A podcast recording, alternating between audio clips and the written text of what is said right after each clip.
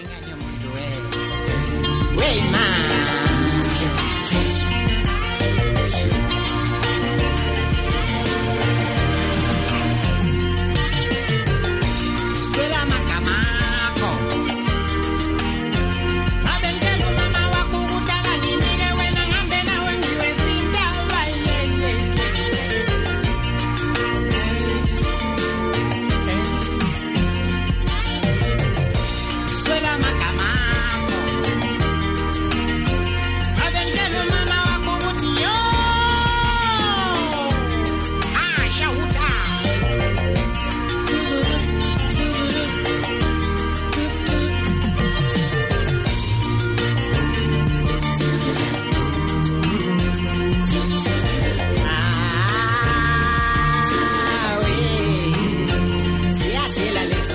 ezinye zeyinsuku engengiyikhohlwe empilweni yami zimbili empilweni lezi insuku ngikhumbula eh kwakuhlelo lokuqala noma lwesibili eh ngisenza uhlelo ezingasoze zabuna. Ngis- ngisanda kuqala ukusebenza noSandile Emdlalose eh ngamxoxa ngathi hey kwakudlala lengoma ethi Thenjiwe ngathi hey indlela engiyithanda ngayo lengoma imelody yakhona ngiyayithanda amagama akhona ngiyayi- ngiyawathanda. Hey kwathi ngingazelele wathi uSandile ayibo awuba- awubambi call la masisha. Ngathi Sandile kanjani sibambi call ngisemoyeni? Kanti ubaba umfiliseni magubane ngiqeda ukudlala lengoma Ah! November November bakwaku November 19 no November eh hayi November 19 November 26 ngonyaka odlule. Baba magubane wayela eM1 ngikhumbula kahle no Jive zimnike wayishaya lengoma baba magubane emqabula sheshe kunjani? Bona eh ngiyabingelela msakazi ngibingelele kubasakazi bonke bokhozi FM ngiphinde ngibingelele sizweni sonke jikelele sikaphunga noMageba. Ngiphinde ngibingelele intombini zonke ezinhle emhlabeni jikelele. Eziyimbali ezizimbali zesizwe nezinsizwa insizwa amakhosi ngibingelele kubingelela mina umqabula sheshe usido mnandi ngokusondeza emlonyeni kubatwana. Intombi zimqabulele eminyameni ngoba ekhaya inesaba amasokazo uhlabana bethu akahlabana ngomkhonto gwaza abafukazana malobola ngesheke ekhweli lakhe kwanongoma. Kuze kuso umkhwakhe ethethe kabantu kodwa lengane ezolobola ingane yami ngesheke na? Ngathi kumkhwami cha mkhwami zoyilobola nje ingane yakho ngoba ngiyayithanda. Wathi umkhwami wakuzwabi lothi ingane lotshola ngesheke wena. Suka lenkisiyana sengudwini le uhlushwa ubugwili unemali eningi. Uyazi ngilobola ngani manje? Ngilobola ngevideo call. Kanti ngimuhle mina. I'm beautiful futhi mina I'm handsome. Yazi into into umlalela ngayiqondi ukuthi uma use studio usebenza eh, umsakazi usuke uzoxoxa nalomuntu osukuhleli naye.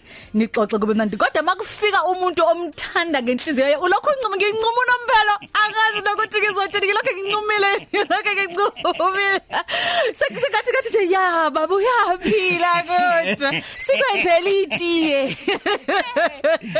Bomagumane usuka le engudwini? Yebo. ula eradiweni yethu. Ekseni kusa. Uyazi ukuthi u- i- i traffic ingibambe sengidlula emhlanga rocks. Eh ngithena nje ngidlula emhlanga rocks yaqala ke i traffic ngilokhu ngisuke nje ekseni ngisuke ngabo 5 ngiyabonga kakhulu eh basakazi bokhozi ngendlela eningithanda ngayo. Ngiyabonga kakhulu uthando eninalo. Ngibonga uthando nalo nongceba ngomsebenzi wami enginawo. Hayi uthanda mina cha. Hayi kodwa nje uthanda umsebenzi wami. Eh Baba bakafuna ukungilobola ngevideo call. Uyangiphikisa mangithi ngiyamthanda. Uthi angithandi yena. Akafuna ukungilobola ngevideo call. Hayi eh yazi baba lokho sekungaba ke ibhagen yawe uy- uyazi baba eh ngiya- ngiyafisa ukuthi ngiyixoxe lento kodwa kuye kube mnandi mawuzozwa ngomlando wakhe eh, umuntu ewulanda yena. Ukuthi uzungene emculweni. Yazi kwa- kwaba nathi manixoxa nobaba umbongeni ingema le ndaba nga- ngasala ngimangele ngempela ngempela ukuthi wangena kanjani emculweni. Mm. eh ngaqala kude kakhulu eh nongcebo ukungena kwami em- emculweni. Mina ngizazi ukuthi ngangena nini ngempela lami emculweni ngoba isiginci ngamvele ngaqhamuka nga- ngathi nje ngise inkomeni ngavele ngisishaya nje isiginci kakhulu Nga- ngathi mangifika la eThekwini ke eh abantu abaningi i- iningi labantu ababesebenza emakhishini babefundiswa yimini isiginci ngoba iginci endlini yami lapha engangihlala khona ekolosini lami wawungayifica zo30 amabhelini abantu bonke mabethenga iginci beze kimina bezofuna ukufundiswa yimina. Nokurekhoda mina ngakuthola late kakhulu ngenxa yokuthi isimo sanamhlanje isimo sakudala sasinzima kakhulu ukuthi ungafinyelela ekurekhodeni. Inkaphane zayingathathi eh umuntu ozifikela zayithatha umuntu ofike nama talent eh scout. Laba bantu ababebizwa ngama producer labo bantu labo kwakungelula ukuthi bangithole ngangumuntu onamahloni kakhulu. Ngangahambeli eindaweni lapho engisiqhamisa khona. Nanamhlanje uma ungabheka ngumuntu ongakwazi ukuyiqhamisa ngoba nje ubona nga trend nase einkundleni zokuxhumana ingeyoba nginamahloni ngokweqile. Ngumuntu onamahloni. Kodwa mase ngiphambo kwabantu ngazi ukuthi wena nginawo amahloni nginamahloni ngokweqile. Angikwazi ukuyigqamisa ukuthi hawu ngibona nje mina angikwazi ukwenza ukuthi ungibona nje mina. Abaningi abantu ba, ba realize manje ukuthi ha kanti umfiliseni uyazi uphuse kangaka engqondweni. Angikwazi ukuzigqamisa ukuthi ngiphusile angikwazi ukugqamisa ukuthi kukhona izinto engikwazi ukuzenza ngaphezulu kwabanye. Angikwazanga ke ukuyigqamisa. Ba abantu ba record abamnandi abantu ba record abantu bashama gold ngidlala ngaphezulu kwabo. Mm mm umculo ngiwazi ngaphezulu kwabo. Ngibuka nje nanokuthi amaphutha eyinkulunkulu wami mina ngaba ngikwenzanga lokho uyabona ke mina ngabe ngenze kanje kusemnandi abantu besakwazi ukuthenga ama CD eh direct bengathengi i ama fake eh bengathengi emgwaqeni. Kungekho ubunsonsi ngabe nami ngaba rich ngalozo khathi? Mhlambe nje uyazi ngabe ngine helicopter ngabe usuke ngayo le engudwini wazo usuke ngayo engudwini helicopter ngaze noma i-special eh jetta yabo? Manje baba yini ledala uqhubeke uhlale le emakhaya ungahlali impilo yale komagoli noma la komathekwini kube ubukhazikhazi? Ngoba niyahamba ngokomsebenzi nihambe niyodlala endaweni ezahlukahlukene kodwa wena uzinzele ekhaya. Lokhu kwathi qheke eh umsakazi akaze ngingathanda ekhaya. Ngabaleka ekhaya ngoba kuliwa ngesikhathi sekuliwa kuphela. Ngathi ukuhlala hlala ke la eThekwini ukuze ngize ngikwazi nokuba nekolosana lokuthi ngifihle ikhanda inhliziyo yami kodwa ingekho la. Iphesheya kuthukela lapho engizalwa khona futhi ungazi ukuthi lela khaya lela langidlisa ngendlela elithanda ngayo. Ingudwini nje iyona edume ekhanda lami ngisho ngangibeka kuphi. Ngisho ngingakha kuphi kodwa ngeke uzwe ungeke uyikhiphe ingudwini kimi ungangikhipha engudwini mina kodwa ingudwini ngeke uyikhiphe kimina. Engingudwini lokhu kwathi qheke emsakazi akuvumi ukuthi ngisuke ekhaya. Ngiyarekhoda ngibuye ngiyohlala ekhaya. Ngisebenze nama productions amaningi eh aphezulu ngihambe overseas angikaze ngiyibone indawo enhle njengangakithi njengasehlathini la ngakithi kodwa eh wake wahamba ekhaya ngenxa yesimo somsebenzi. Wake wahamba wazohlala eThekwini. Ngiyazibuza ukuthi njoba wahlala emaThekwini ulishaya ibhodo. Umama ekhaya uthini? Uthini? Ngoba ngiyacabanga ukuthi manje ukubuka ukuthi mm lesasinongo lesasinongo lesasinongo msakazi lokho kwakwenziwa yini? Kwakwenziwa ukuthi vele kuyaphunywa ekhaya uhambe yosebenza eh ma usebenza usedolobheni eh usuke vele inhliziyo yakho ingekho lapho ngoba ngisho ungafika endlini lapha ahlala khona umuntu wakhona uvela ubonda kahleli ke lo muntu. Ingampela lakhe la uzosebenza.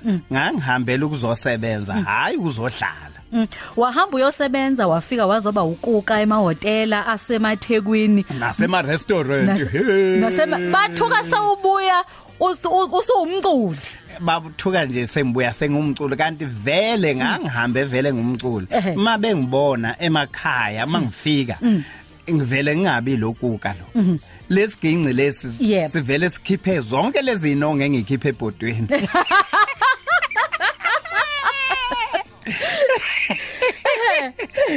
eh ngi ngi- ngi- ngithi ke umsakazi njengomfiliseni uthando ngalinikezwa kakhulu ukuthi ngakhula nobhuti bami abadala babe babethanda kakhulu intombi no baba bami bethanda kakhulu intombi eh ingakho eh izinto eziningi ikakhulukazi ingoma zami zikhuluma ngothando. Ukuthi nje ngithanda umuntu wesifazane bangiqwashisa ngokuthi abantu emhlabeni a- abekho baningi babili nje kuphela umuntu wesifazane nowesilisa. Umuntu ofanele ukuthi umthanda wena owesifazane naye futhi athande wena. Uyazi wakhuluma into la ngoba ngangixoxa no nomlamuli wakanxele lo o- ohlanganisa ama- amantshontsho kamaskandi ngimxoxela nje ngendlela engiwuthanda ngayo umculo wakho. Sixoxa nje. Wasethi eh, eh, enye into abantu ek- ekufanele bayiqaphele ukuthi uwena umaskandi wokuqala owa- ohlanganise amaballad amaskandi amaballad lomculo nje. Lokuthiwa ulozolo lomculo usizwe isiginqi kodwa uyizwe ne rhythm iza lapho uyiza ne melody kuxoxa ngalo. Ya- yazi ngiyamajina uthenjiwe ngiyamajina uthenjiwe uthi hey bo waze wamuhle uthenjiwe. Si- sikhuluma ngayo le nto ngiyajabula ukuzwa ukuthi isukaphi Nongceba eh mina ikakhulukazi mangilalela izingoma ngoba beku- bedlala be- eh, bekudlala kakhulu ums- umsakazo ubudlala ingoma zaphesheya kakhulu. Bengithanda ukulalela i i- i- i- i- um- i- ingoma zaphesheya. Bengithanda kakhulu ulalela iblues ngilalela country music. Eish ngilalele inkosi yami. Noma ngingezwe ukuthi kuthiwani? kodwa nje yangithenga irhythm yakhona. Eh ingakho ingoma ikamfiliseni ngaso sonke isikhathi uzwa kukhona iballad uzwe uzwe ukuthi hayish uyabona? Kodwa ngidlala isizulu. Kodwa mangicula ngizocula ngicabange abo Marvin Gaye ngicabange o Dolly Parton ngiyazi ngicabangele ngicabange labo bantu labo ngoba ngicabanga ukuthi bawazi kangcono kunathi umculo ngoba bona bangena kuqala kunathi kule ndima yomculo. Yona lento evele ingishaye ngaphakathi mina ngingokuqala nqa ukuletha amaballad eculweni kaMaskanda. Uze ulalele futhi mangenze yami iballad ayifani na- naneyamuphi omunye umculi kaMaskanda.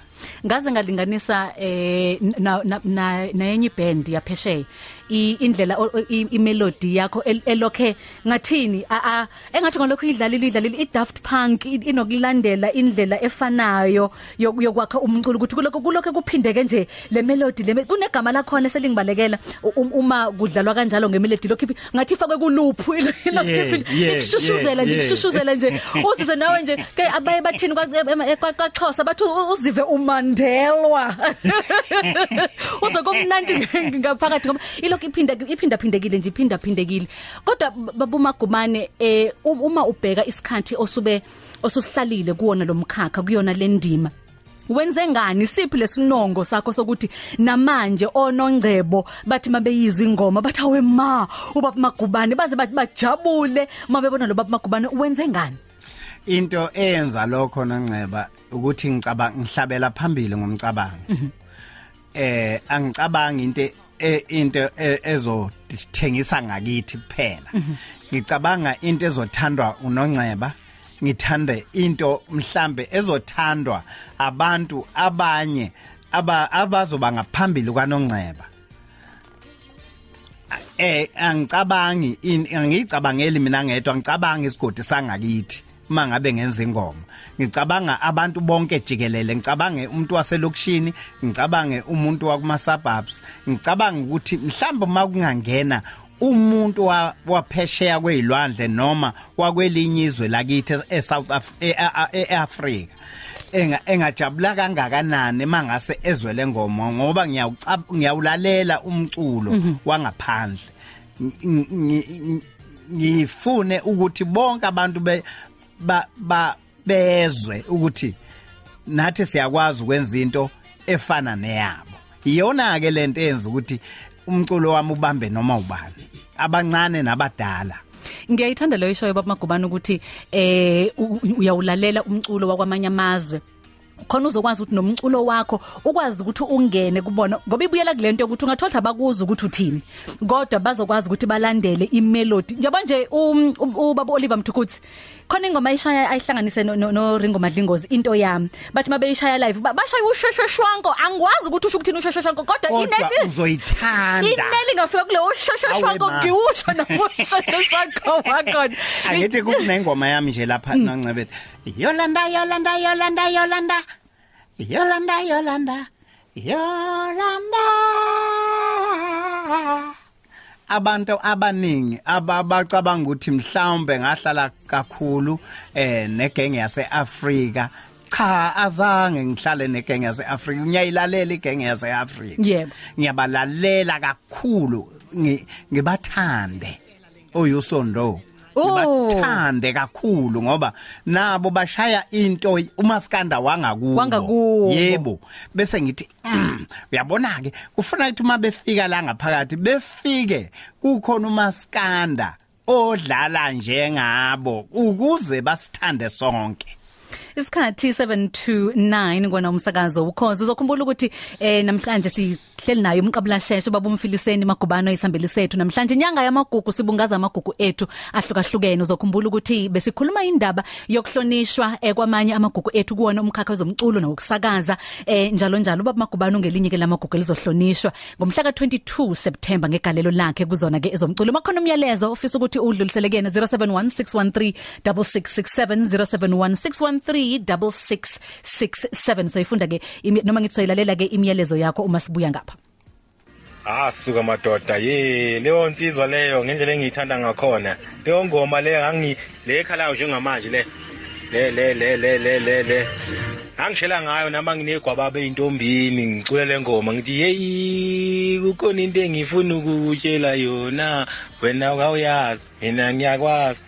Isenhlizweni yami yami. Angiyayifela ngalowo nsizwa umfikiseni mfo wamagubane iqhubeke nje iphile siyayithanda insizwa. Imiculo yayo i- inomlayezo omuhle. Ndoda amadoda qhubeke njalo. Ukhuluma nothemba thi isikhumba esiwufudu efoslo. Ah Hayi. za- zakani insizwa ngawe baba magubane kanje kanje uthena us- us- usicelo? Uthe kuthiwane entombini kuthiwa awu- awushaya inyoka endleleni. Eh baba magubane kube intokozo enkulu ukuthi sibe nawe namhlanje. Kube intokozo nje ukuthi sibe nomuntu eh, eh, kuzona ezomculo kona umlando womculo wethu kakhulu umculo wethu wesintu obaluleke kangaka. Kube intokozo enkulu nje kunongcebo ke awe ma. Kube Awe intokozo ma, enkulu. Awe ma. kunongcebo ukuthi sibe nawe namhlanje usuke le kude kangaka le engudwini uzochitha isikhathi sakho nathi namhlanje Si- sikhalalisele kakhulu uzohlonishwa nawe ngegalelo lakho kwez- kwe- kwezomculo ngiyayithanda lento ukuthi nihlonishwe nisazokwazi ukuthi niyibongele Mm ngiyabonga kakhulu nonceba. Ngibonge kakhulu nami emndenini wami ongiphethe kahle kakhulu.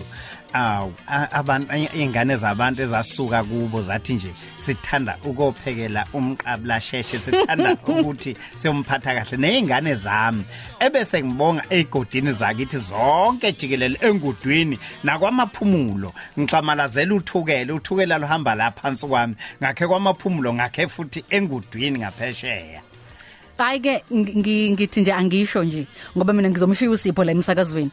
Nalabo abashiya amakubo ma abashiya amakubo beze kumqabula sheshe sengilotsholiwe ngevideo call. Ngisengilojo ah, ah, ngizokwakhelwa istage ngizokwakhelwa istage mina. ngathiyelanywa wenkosi yakho Sibonga kakhulu babagubane ube nosuku oluhle sibonga